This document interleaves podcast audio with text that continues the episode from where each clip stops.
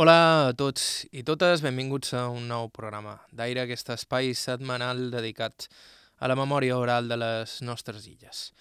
En el programa d'avui som a un poble realment especial. De fet, si algun dia no em trobau és que hi he anat a perdre-m'hi. Parl de Som Macià, pot ser el poble més jove de Mallorca. De fet, eh, aquests dies està celebrant els seus 100 anys d'existència. D'allà és Nofre Fullana, el nostre guia per terres macianeres. El sentireu de fons en algun moment. En tot cas, l'objecte del nostre viatge fins allà és un altre. Hores. Hi ha un grip. I ara vol, vol, vol venir a veure si vol va bé que, que, que vols fer setmanes entrevista. Ah, va, va, que pareix que la mica i anam ja per Ho la fet, perfecte. vinga. Xitxeros. Ja. Sí, xeros i llais i molts i sabes i tira. Està bé.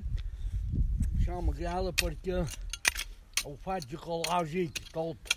Aquest que sentiu és Sebastià Llinàs, de Samoleta, li diuen. Aquí trobam arreglant els seus xitxeros. Els xitxeros són vostres o comprats? De llavor comprada. No sé llavors que això eh, no em sol fer. I si en faig un poc, encara sempre va bé que faig. Jo qualque pic havia provat de guardar xitxeros, però s'acorxen molt. Ah, jo. Mira, vol que de monedes que tenc. Ei. Ben guapes. Bé, vos presenta en Joan. Com estàu? En Joan és el divendres que, que, que vol fer l'entrevista. Bé, bé, bé, bé. En Sebastià, Jo som en, Tià Tià Samoleta. Tia Llinàs. D'on vos diuen? Jo, eh, de la muleta. De sa muleta. Allà, allà una cançó, perquè de vegades em faig qualcuna. I era expulsament de Sant Josep i vivia a la. Però el meu nom principal és en Tià Guerriller. Un me deia en Tià Guerriller i l'altre me deia en Tià la muleta. I Garriguer, d'on vos ve? Oh, per això, si voleu, ho explic, ho he estudiat més o menys bé. El meu repadrí va venir de Guerriller aquí, el padrí va estar, sempre llavors encara hi va estar un tio, de Guerriller, la possessió aquesta. I les vaig dir, dic, si és que en el meu caratge desitgeu conèixer-lo, la moleta vull dir-ho, allà ja hi tenc estadatge. I són guerriller i formatge, de mal nom i creure bo. I t'hi ha llinat Barceló, el meu nom és llinatge, perquè ma mare era formatge. Diu, eh, anem. Au, au.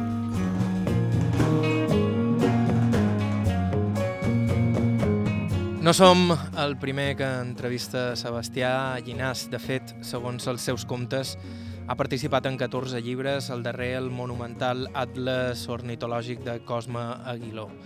Tal és el coneixement d'aquest bon home, una d'aquelles persones que, malgrat haver anat a poca escola, sempre ha demostrat una curiositat que, de fet, en alguns moments, com quan era el lot, li va causar alguns problemes. En Sebastià de Samoleta és un pou de coneixements sobre temes tan diversos com els ocells, la caça, el nom dels camins i fins i tot sobre un tema que també ha tocat en les mans i en les cames, el contraban. I a tot això has de sumar que fa gloses, tot un personatge. Així que avui ens espera un programa ben entretingut, esperant que ens vulgueu acompanyar.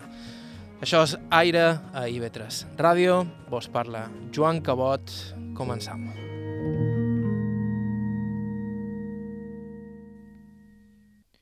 I arrencam amb les presentacions de rigor. Aquesta és en Sebastià de Samoleta. Sebastià Llinàs Barceló. Vaig néixer a la Moleta de Sant Macià. L'any 35, a dia 3 de setembre. I en què se dedicava el vostre pare i la vostra mare? Agricultura i un poc de feina perquè l'agricultura no tenien gaire terreny, no hi havien d'afegir. Ma mare afegia cosint i mon pare que van grava a Sant Llodravell. A la mala, amb un picó i tira, bé, si mateix de vegades, si fèiem una esplanada que dèiem de llevar la terra de muit, fèiem un parell de forat de dinamitra, però eh, llavors picó i porllà i tira. Llàstima se morís quan jo era tan jove, perquè mon pare tenia tenia bon cap i tenia, sí, bons, bons amics i sí. Jo havia de complir els 13 anys, dia 3 de setembre, i ell se va morir dia 8 de juny antes. Una operació de ranyol, i vam llevar el ranyol, i havia tingut molt de tat d'arenes, d'això de, de, i, i ho van tractar l'operador d'un ranyó, i no ho va superar. Tenia 52 anys. Jo era el major i vol dir que tenia, no tenia 13 anys. I l'altre en tenia 10 i l'altre 6.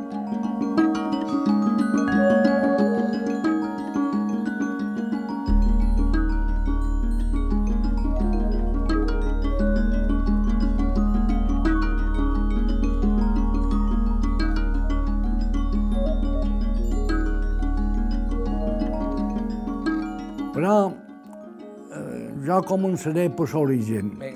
Nosaltres, el meu origen és venir del Baix Empordà de Barcelona, d'un poble que se diu Llinars. I han llevat serra i som Llinars.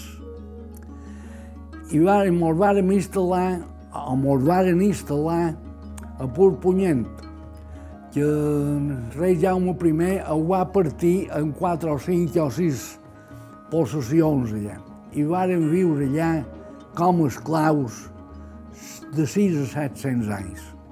Llavors un senyor d'aquells va comprar Son Serra de Marina i s'hi va, se n'hi va manar el meu padrí de guerriller. I estant a Son Serra de Marina hi havia els carreters, però hi va venir un any o dos, no un any sobretot, de fam de pa a Mallorca. Avui heu sentit dir això. Nosaltres arribàrem aquí, aquí el meu repadrí va arribar aquí, el 1864, i això era per aquí. Havia arribat un barco carregat de platja, com va partir el padrí.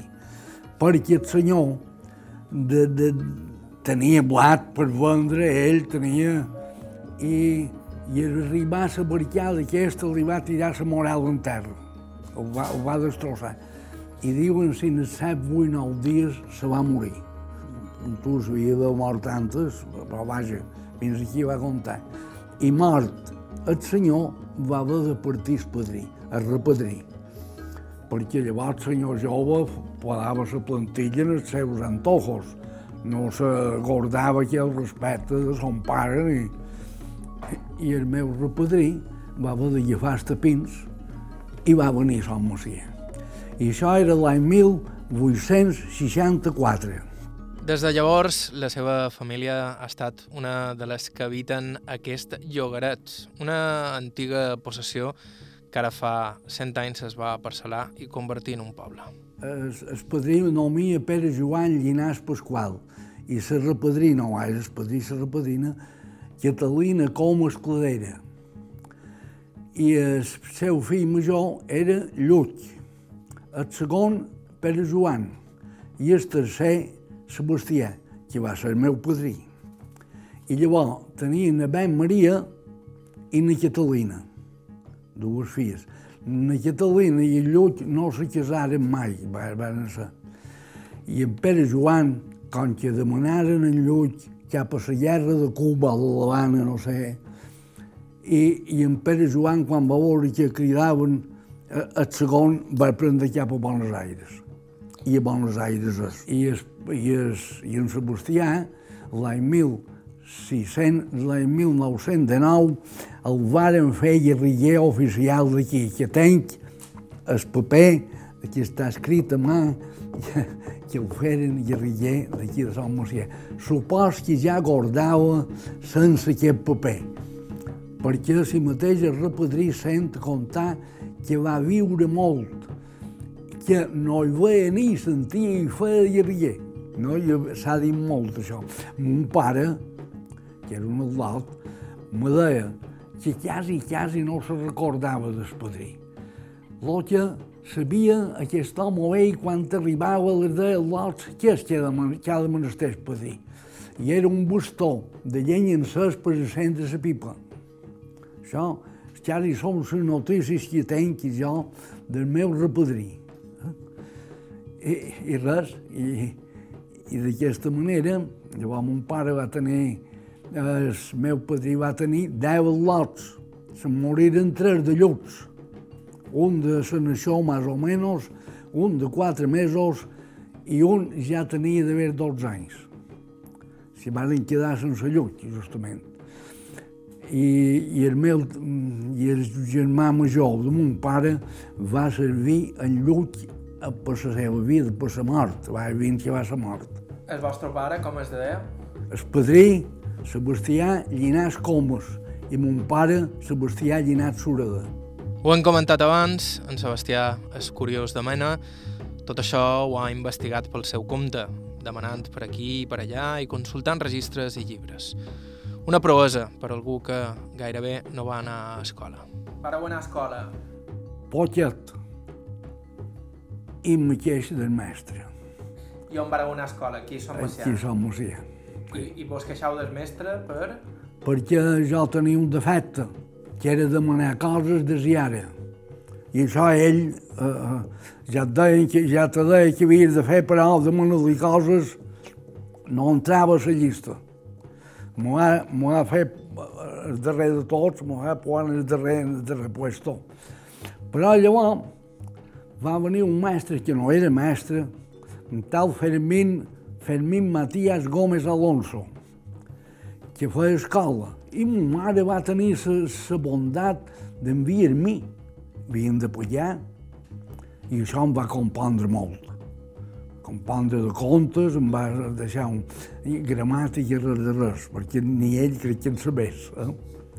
Però vaja, de contes em va posar bé i un pot d'escriure. Sempre me recordarà el primer dia que hi vaig anar, m'envia un bitlletet, em posa un bitlletet que ha pujat, y que deia, dime, Sebastián, a què quieres que te enseñe? I jo li vaig contestar, dic, a escribir, eh, eh, cuentas i educació.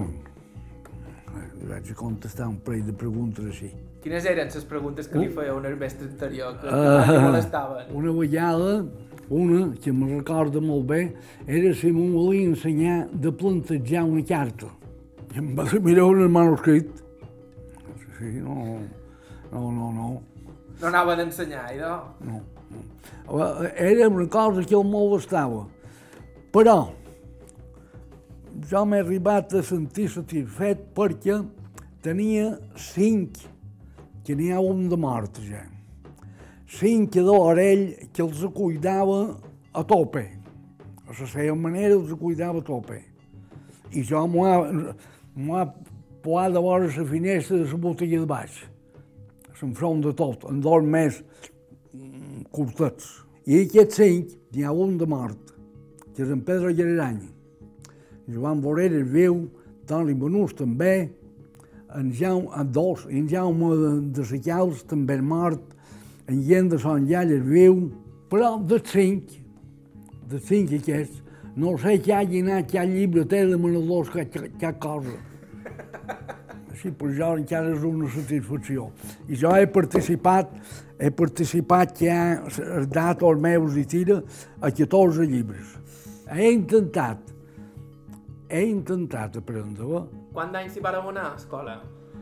Ja, jo, un parell de mesos en aquest mestre i en aquestes igual si no hi has anat. En el mestre que hi havia quan per govern és igual si no hi has anat. I, i per tot hi vaig anar tres o quatre mesos, mig dia, mig dia. Tres o quatre mesos, no... I a, i a quina edat vos vareu posar a fer feina? A, a sis anys, a sis anys, perquè llavors hi havia lot petits i canals, i jo me recordo que a sis anys donava blat o darrere serà de mon pare. No, feina vaig començar prest, a fora vila, a fora vila. Tot el que, que se presentava a fora vila. Menys eh, animals no en teníem, ja estem de mon pare. I llavors jo vaig tenir, de, de quan mai vaig ah, no, de, de, de, quan vaig tornar gran, vaig tenir més de 60 anys oboes. Les oboes eren uns animals que m'agradaven i vaig tenir més de 60 anys oboes.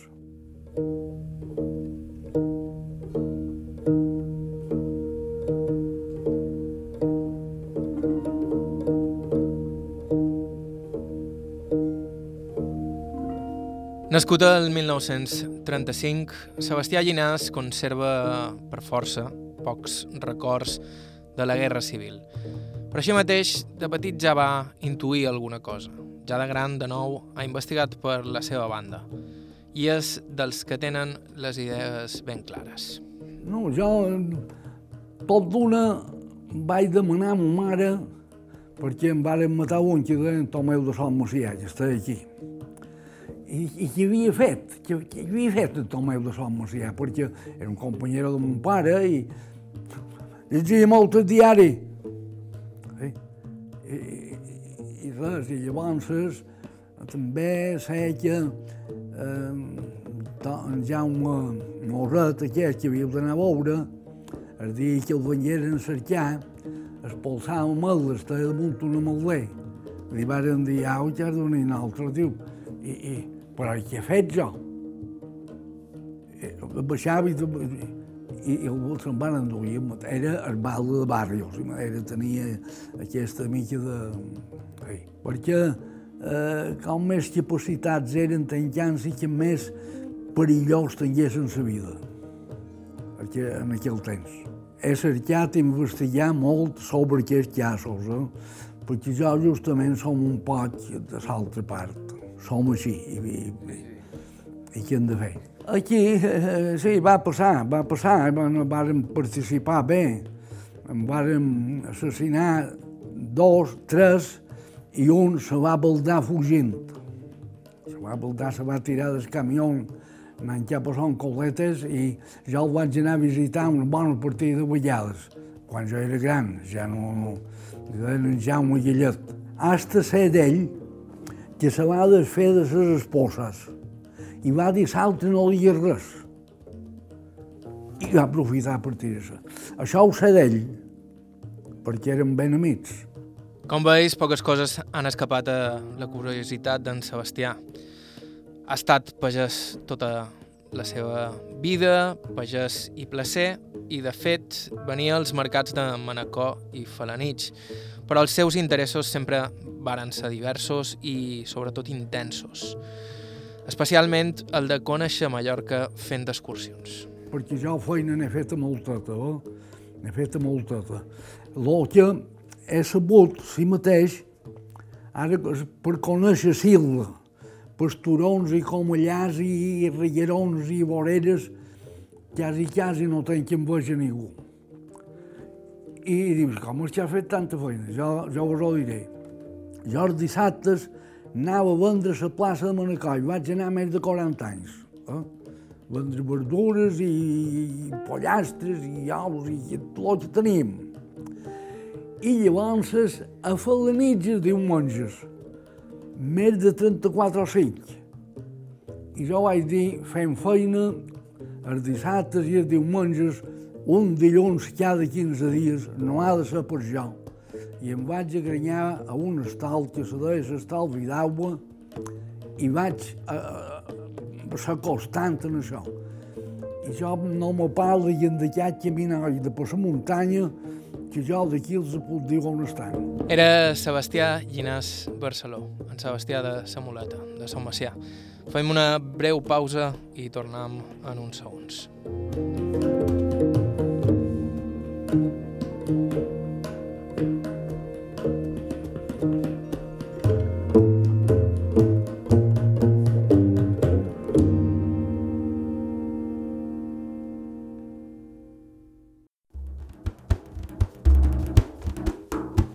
Hola de nou, esteu escoltant Aire a Ivetres Ràdio. Avui a Som Macià, a prop de Manacor, on vàrem entrevistar en Sebastià Llinàs, en Sebastià de Samoleta, nascut allà el 1935 i fi de pagesos. Abans en Sebastià ens explicava que a 13 anys havia perdut son pare. Ell era fill gran i sa mare i ell van haver de fer-se càrrec de la casa. La pagesia donava poc i com molts altres de la seva generació i d'aquella contrada, on la mà només està a uns 8 quilòmetres, en Sebastià va dedicar-se a traginar contraband. De fet, ell és una de les fonts principals del llibre El Lots avui a festa de Tomàs Mut, del qual ja hem parlat en més d'una ocasió en aquest programa. El contraband era una activitat increïblement estesa en aquells anys, un secret que involucrava mitja illa, i així tot un tema tabú que fins fa pocs anys ningú s'ha atrevit a comentar obertament. Han hagut de passar anys i morir molts dels implicats perquè puguem sentir testimonis com aquest. Jo vaig anar una bona temporada a traginar contrabando, traginar cafè, que això d'on s'ocupa, no sé si ves, de les llames tan fotudes, era de dur sac de cafè de 60 quilos. Quan vareu començar a fer, a fer contrabando? Quina edat teníeu? De 9 anys, De 9 anys? sí. No, no era equipat de fer encara, perquè un atleta de 9 anys en aquell temps no era equipat de fer. Però jo no em varen haver d'ajudar mai. I com és que vareu començar? Com, com vareu entrar en contacte amb la quadrilla? Això és ben normal. Jo vaig moure un atleta de la vorera de mà. I, i mare dir que t'agradaria això. I, I vinga, sí. I ja vaig estar liat. Érem un grup, perquè sempre érem els mateixos. Sempre érem els mateixos en aquell grup, mos veiem allà mateix, i cap a la vorera de mà. I no hi ha ningú pus viu, només som jo era dels més joves. No sé si n'hi havia un altre que estava allotjat a Sant Josep de la Talaia, que era d'esport de Manacor i fa d'haver dos anys que va morir. I, però no n'hi ha altre més que jo. Com funcionava això del contrabando? Això hi havia setmanes que havien d'anar tres vegades i llavors si em porta 15 dies.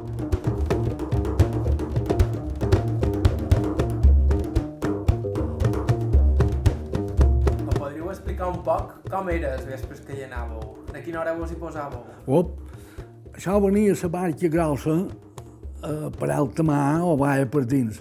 I llavors venia una barca, mm, li dèiem el bot, o un, era un, com una llampullera, dèiem, era un bot se mateix, i, i duia el tubo d'escape voltat i fos a dins l'aigua. I si partia cap a sa, en aquella part d'allà, nosaltres érem d'escap d'aquí. I, i que vespres havien de començar més tard i que va més tard. Que en bou de saua, en bou de saua, havien de desfilar cap a que nostre tot d'una. A, a, a, a saua ja estava perquè els, que, els, que, els patrons, els dos que ja se cuidaven de Magaró en veure sau vostè equipat al jornal. També hi havia una cosa, si mos hi posàvem més prest, el duien fins en el testador de Sant Josep Vell. I si mos posàvem més tard, hi havia un secret dins un cementer gran que hi ha, que se diu una llama roja, i el deixàvem en el secret aquest.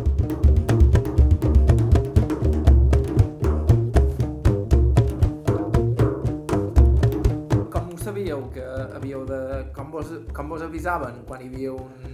I doi, això era, venia un, perquè no hi havia telèfon, no n'hi de molt. A nit ha festa. Això ho sabia tothom. Es, venia molts allò de dir nit, a nit ha festa. I, i ja sabíem cap allà, perquè jo de damunt aquest turó d'aquí de la Moleta, a Cala Saquer no me'n vaig anar ni en bicicleta mai, Peu. sempre peu. I tornar com se suposa. Sí, no sabia bé les dreceres. Quant de viatges fèieu cada vespre? un de feixuig i un de jutger. El sac de cafè eren 60 quilos i dues teles. I 60 quilos en la nit, per puesto no gaire pla, no se poden fer molt en fora. I fèiem una tirada i mos la descarregàvem.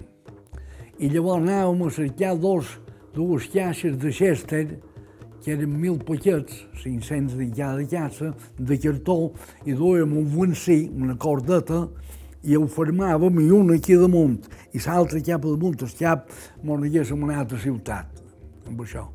I era per descansar. I tornaven a carregar. Els meus carregaven el sac de 60 quilos. Dos homes que sempre els he elevats de molt de coneixement. Són morts els dos i el Celcir. I aquests dos homes els mos posaven damunt en el sac. I tornàvem a fer una altra tirada i a cercar el jutger, i, i això era el jornal. Si mos tocava la barca tard, només el duem vins dins la cama roig, vins del cementer gran que davant Sant Josep. Quant de quilòmetres hi pot haver? En el testador hi pot haver tres i un poc i, i el de mai dos. No, no era...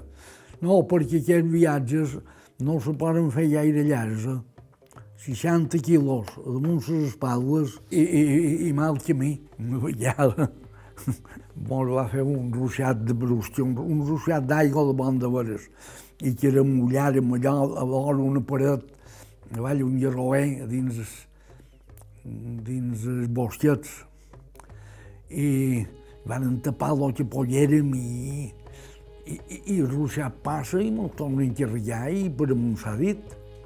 I com vàrem ser dins la llama roja, hi havia només, no hi havia tractors ni, hi havia les gilles del carro i de la visti, les potades de la visti. I provàvem d'anar per les voreres i llenejàvem. I el millor era prendre per dins l'aigua i, i, i tirar per amunt. Aquest de Sant Josep, que faci perdonat, i em com Déu diu que tiraré el sac i fugiré de Silva. M'ha recordat sempre aquella expressió. El sou ho valia, però la feina era duríssima. Duia 60 quilos a l'esquena, les fosques, per un camí de pedres, fes calor o plogués. I a més hi havia el perill de les coades, que te pleguessin les autoritats perquè algú t'havia delatat. Molts, de fet, traginaven tot el vespre i l'endemà, a trenc d'alba, tornaven a ser fent feina al camp perquè ningú sospitar res. I sempre anàveu en el mateix punt de recollir... Sí, sempre, sempre. Jo sempre vaig anar, hasta, diu, aquí ho va, ho va posar en Tom Almut, que tenia dos puestos, un per poar a peu i l'altre sempre vaig ser el primer que agafava el sac, el sac, eren do, de dos en dos, un allà i un, un aquí, el sac el agafàvem entre dos, i sempre era el primer que tocava el sac, jo, per fer-lo amunt. Eh? Tenia aquest puesto, nada menos que m'agradaria, se tenia ocasió que me, fe, que me fessin un retrato, perquè sempre vaig estar allà mateix. Sempre no vaig baratar mai de puesto. Un peu aquí i un aquí que tenia eh, per, agafar i etsar per amunt. I guanyaven, mordaven 25 duros cada vespre i dues pastilles de tabac. Jorge Russo, el Àguila Imperial, Flors de Habana, des qui tenien més evident. Però el jornal sempre va ser 25 duros i dues pastilles de, de contrabando. I quants anys vareu fer contrabando? No, una temporada, perquè llavors no hi hauria dos individus d'aquí de Sant Macià que anaren a banyar-se a Cala Sequer.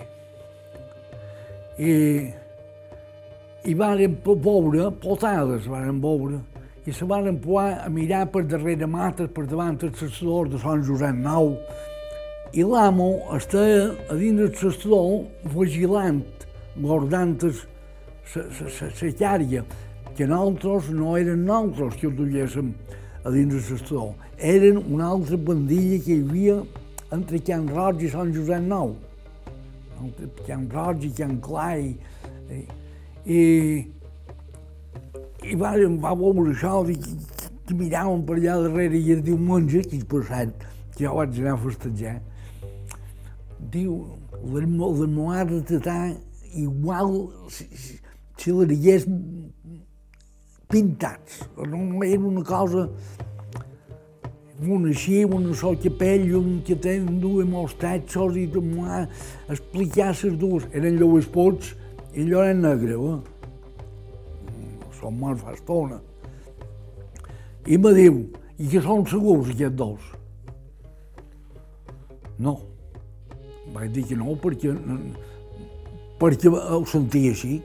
Perquè hasta sabia que el Lloret Negre, que era una mica, eren dos cosins, això.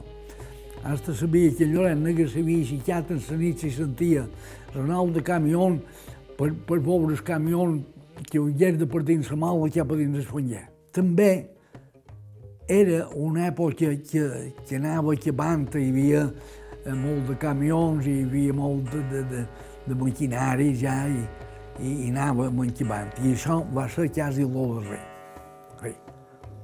Jo, després, només vaig saber d'una altra vegada que havien descarregat en la nit, en el port de Falanits, de, que havien descarregat en el port de Falanits, el temps que feien el folleror dissabte de Sant Antoni. I en camions se'n han endut tot. Això va ser una de les darreres vegades que jo he sabut, perquè llavors se'n va fer amb avió i se'n va fer de totes maneres de contrabando. En Sebastià faria contraband durant pocs anys, els darrers per edat del contraband generalitzat a Mallorca. En aquells anys, mitja illa traginava, però ningú en parlava. Ara ja han passat els anys i en Sebastià fins i tot gosa fer-ne una glosa. Ho vaig ser contrabandista d'aquells que ho fan a jornal. I si les cames em fan mal, és de no fer espardal per no fer curta la llista. Diu, quan la barcassa arribava de Tànger, sempre s'ha dit, encara que fos de nit cap a la cala s'ha dit, perquè allò que mos portava, quan la claror arribava, havia de quedar escondit. Diu, tothom del Prau de la Mà, en això hi participava, un perquè ho traginava, un altre perquè ho guardava, i aquell que no s'aguantava servia per vigilar. Això és Aire, esteu escoltant IB3 Ràdio. Abans de fer una pausa, vos recordant que si voleu sentir el programa d'avui des del principi o bé escoltar algun dels nostres programes anteriors, de fet, han fet uns quants programes dedicats al contraband, ho podeu fer al web ib3alacarta.com o bé via podcast. Em podeu trobar fàcilment a iTunes, Google Play, iVots i de més plataformes. Fem una pausa i reprenem el programa d'avui.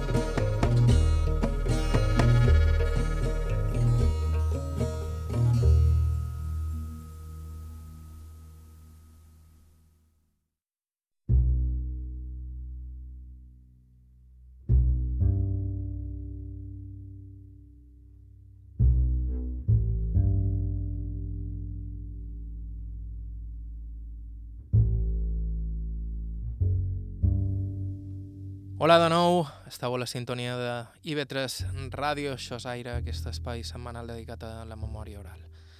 Fa uns segons sentíem Sebastià Llinàs, 83 anys, parlant-nos dels seus anys de contrabandista. Nascut a Som Macià, entre la costa i Manacor, era una manera habitual de guanyar-se uns duros que costaven molt més guanyar de pagès.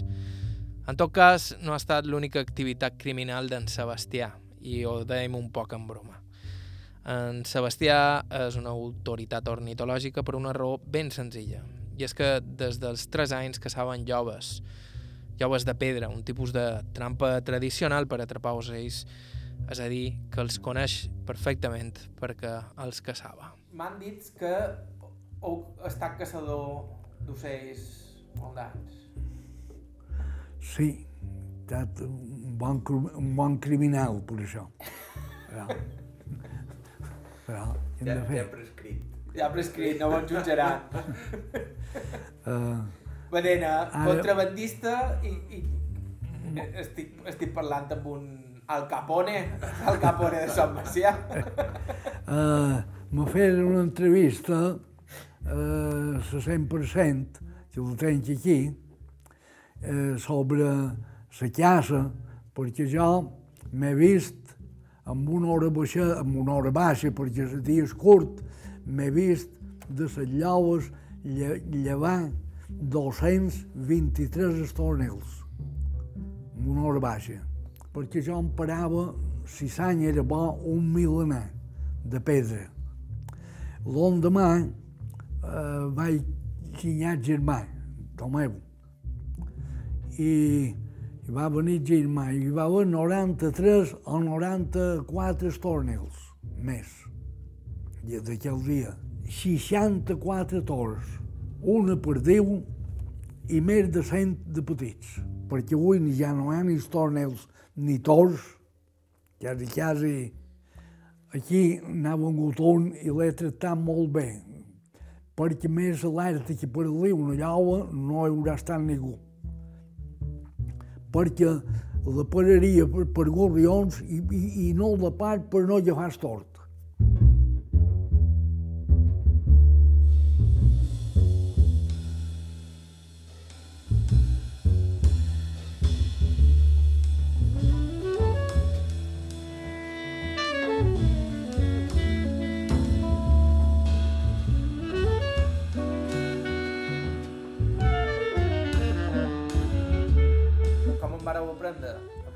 Uh, mon pare era un bon mestre per això.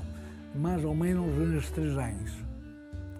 Perquè mon pare me, me parava lloguetes petites perquè no me pillassen ses, perquè de pedra eh, em paraven de grossetes perquè allà on hi havia un tirany de perdius jo sempre em parava dos o tres que una perdiu hi quedàs. A tres anys vaig començar amb mon pare, perquè m'ho va ensenyar a cercar esclates anys al mateix temps que ensenyar a parar una lloga. I me, recordo que una vegada m'ho va dur damunt un, ara no hi ha pinar, damunt aquell turó d'aquí, i, i me diu, moll allà, i un passa per cercar i trobo un esclat de sang. Ep, diu, vine aquí, que n'hi ha un. Au, tu has de cercar a tot venir el seu companyero, perquè molt de pit surten dos o tres esclats de allà on. I ell et surt que el vivia feia estona, però ja, ja, ja me feia mirar veure si trobaria l'altre esclat de sang. Vaig començar el joc. Eh, agafàvem una pedra plana, eh, o més grossa o més petita, però una pedra presenteta, i posàvem una davant que tingués caire, tingués caire viu. Llavors, dues o tres en els costats. I en aquesta li dèiem estibau, i aquestes altres les parabandes. I, i, i, es, i es, llavors quatre bastons, un de dret així, i llavors el trampador, li dèiem que, que anava en el caire, que el caire no, perquè si no té caire, no, però en caire és molt bo de, de tibar, molt bo de... I si l'any era bo, que hi hagués menjar i humitat, plogués oportunament, perquè el tort necessita humitat. El tort, si no hi ha humitat, no li va bé. I menjar també. I eh, me tractaven a les mil. On les posàveu? Com decidíeu on, on, on les paràveu? Eh, parlant de les mates, per puesto, sempre triava o, els puestos allà on sortia el sol i pellars, eren els puestos hàbils, si hi havia mates i menjar, per llevar tots. Tot d'una que se cercaven, cercaven un puesto que, que el sol i pellars. No, els puestos les coneixia, m'ho pareix bastant bé. La caça en lloves està prohibida avui en dia. De fet, fins i tot la caça d'alguns dels ocells que ha esmentat en Sebastià, que ha viscut i vist amb els seus ulls uns anys en què hi havia tota mena d'aus i com aquesta diversitat ha anat mancabant-se. Hi havia ocells que, que véssiu abans que ja no els veus? Moltíssims, moltíssims. Hi havia bé, una quantitat tan grossa que, que, que és espantosa, perquè jo agafava turbets, agafava trencapinyons, agafava, això fa estona que no n'he vist cap, ni, ni de molt. Hi havia uns esbars de soldares que passaven, que deien que anaven a, pastar, a pasturar a dins sulfaus, i passaven i poaven colls i agafàvem aquí, les soldares són uns ocells grossets, no són com un tort, deien soldares grosses, ha molt d'any que no n'he vist cap. Soldares bosquianes, verderals, pinsans, terraldes, cuteades, això ja... Merdes. Les darreres vaig veure una cucuada fa cinc o sis anys per l'or d'en patró aquí damunt, però ara ja no, no és ni... ni... I quan vareu deixar de posar llogues? Perquè ho varen prohibir fa anys. Pintura havien de prohibir tantes. Em vaig parar pols, no... Creus que és degut a la caça? Uh, que, que van menjar tant, que saps? Mm, jo penso si poden ser les insecticides, però no ho sé, ser Perquè que- les soldares aquelles que passaven aquells bars cada dia a hora baixa, que deien que s'anaven a gebre a la muntanya de Sola Moixa, que fa molt d'anys que ara no passa cap, anaven a pasturar a dins els enfossars, a dins el terreno, i se van poder tirar el trucat de gerrau enverenat per matar el bitxo i les, les soldes aquí desaparegueren. Que no n'hi ha cap ni un d'aquests. Molt d'any que no n'he vist cap.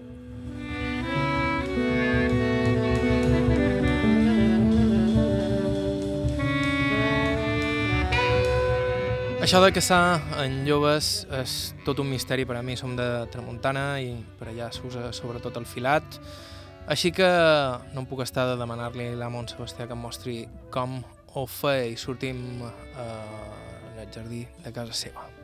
Podeu viure tranquil per aquí, eh? I, i sí mateix, va, eh?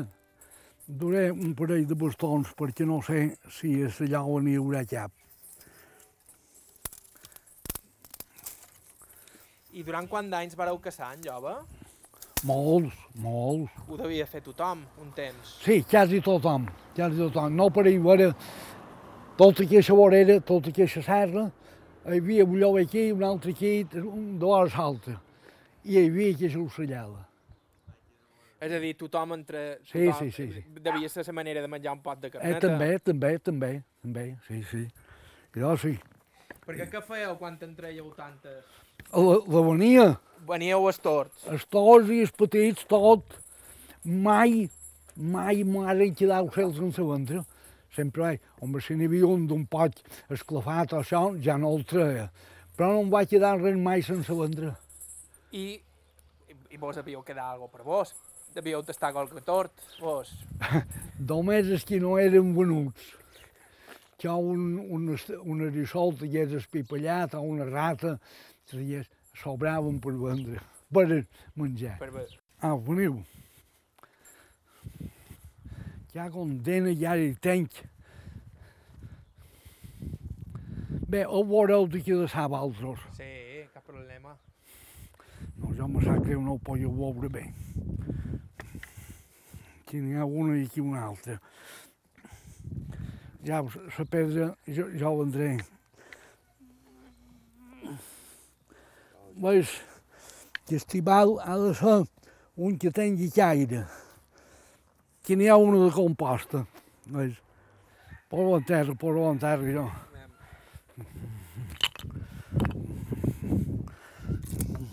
Això ho filmaré, però.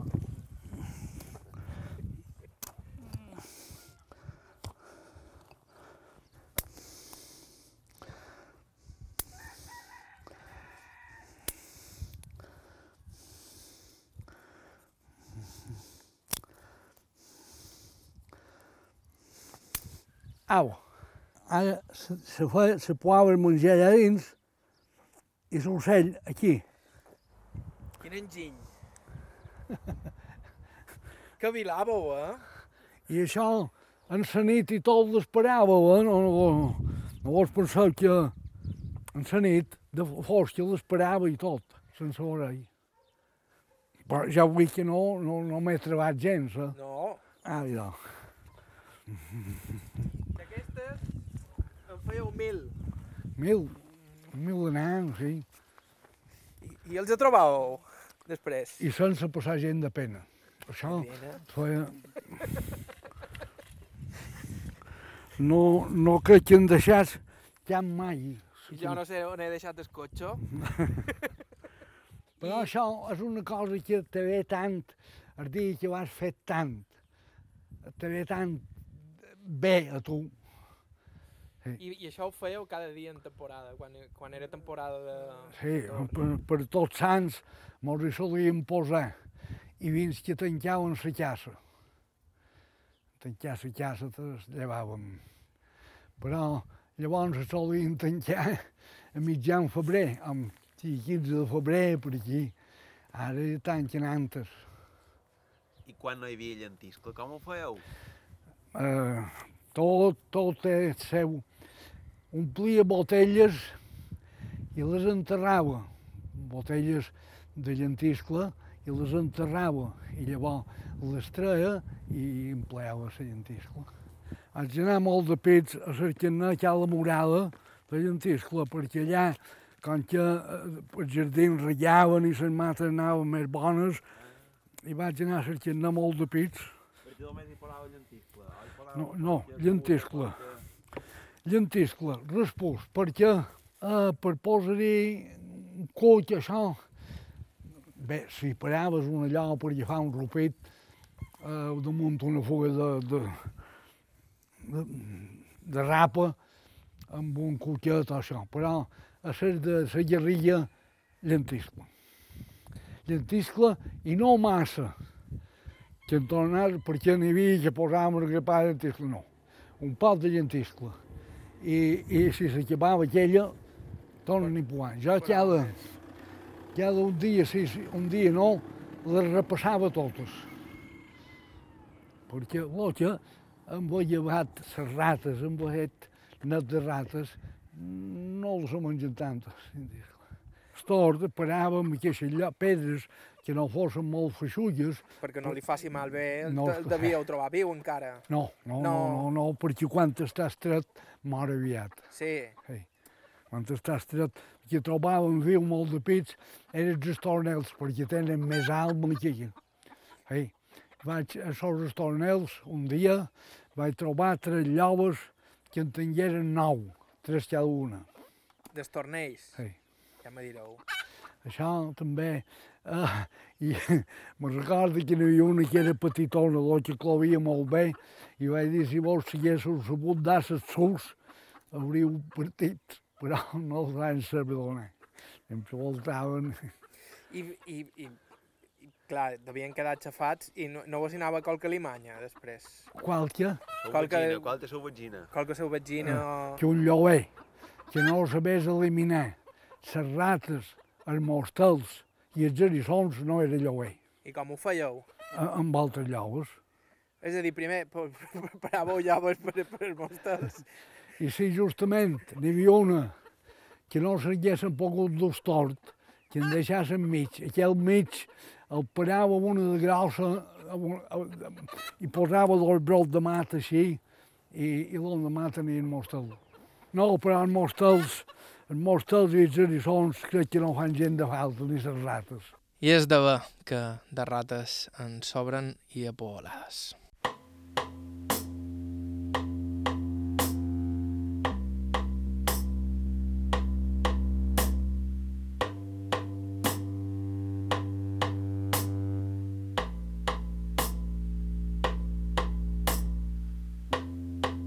Fins aquí el programa d'avui a Aire. Moltíssimes gràcies a Sebastià Llinàs i la seva dona pel seu temps i paciència. Milions de gràcies també a Nofre Fullana, que ens ha fet de productor improvisat per Som Macià i que ens ha donat un cop de mà per trobar uns quants personatges increïblement prometedors. De fet, aprofit per recordar-vos que si ens voleu proposar alguna entrevista ho podeu fer enviant-nos un correu a aire.ivetresradio.com També ens podeu seguir a Facebook i a Instagram o vos podeu subscriure al podcast del programa a iTunes i d'emet serveis similars. L'arxiu complet del programa el trobareu a ivetresalacarta.com. Bàrbara Ferrer a la producció executiva, Iker Hernández a la producció tècnica, vos ha parlat Joan Cabot. Fins la setmana que ve.